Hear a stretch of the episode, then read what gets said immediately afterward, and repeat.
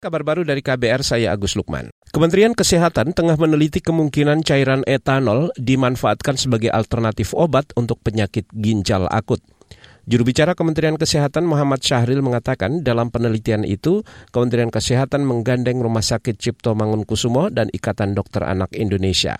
Nah, untuk etanol ini tetap saja dilakukan penelitian dan dilakukan uji coba di Rumah Sakit Cipto Mangunkusumo. Dan memang ini menjadi pilihan karena dalam sisi harga lebih murah ya. Tapi nanti kalau memang nanti perlu kita akan sampaikan apakah uji yang dilakukan oleh Rumah Sakit Cipto Mangunkusumo dan IDAI dalam rangka uh, pemberian antibiotik dengan etanol ini ada hasilnya nanti kita akan sampaikan ya. Juru bicara Kementerian Kesehatan Muhammad Syahril mengatakan etanol termasuk obat yang direkomendasikan sebagai antidot atau obat racun sehingga fungsinya kerap disandingkan dengan fomepizol.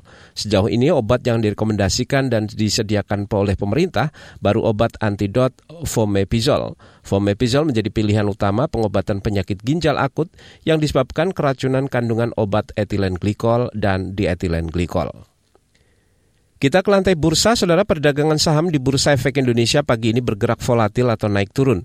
Dari data RTI Bisnis, indeks harga saham gabungan IHSG pagi ini dibuka di posisi 7.102. Indeks sempat naik tipis ke posisi 7.111 sebelum anjlok ke posisi terendah di level 7.064. Sebanyak 190-an saham menguat, 190-an saham lemah, dan 200-an saham stagnan.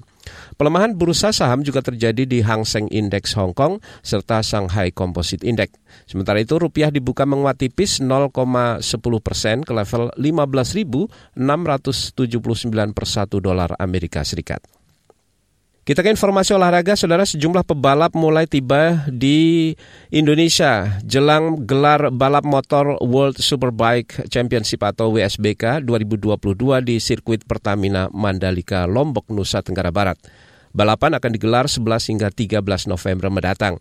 Sejumlah pebalap yang sudah tiba di Indonesia antara lain Alex Loves dan Jonathan Ri dari Kawasaki Racing Team. Sementara itu pengelola sirkuit Mandalika Lombok terus melakukan perbaikan di sejumlah aspek termasuk pelebaran jalur run-off di tujuh tikungan dan peningkatan kualitas aspal. Demikian kabar baru dari KBR saya Agus Lukman.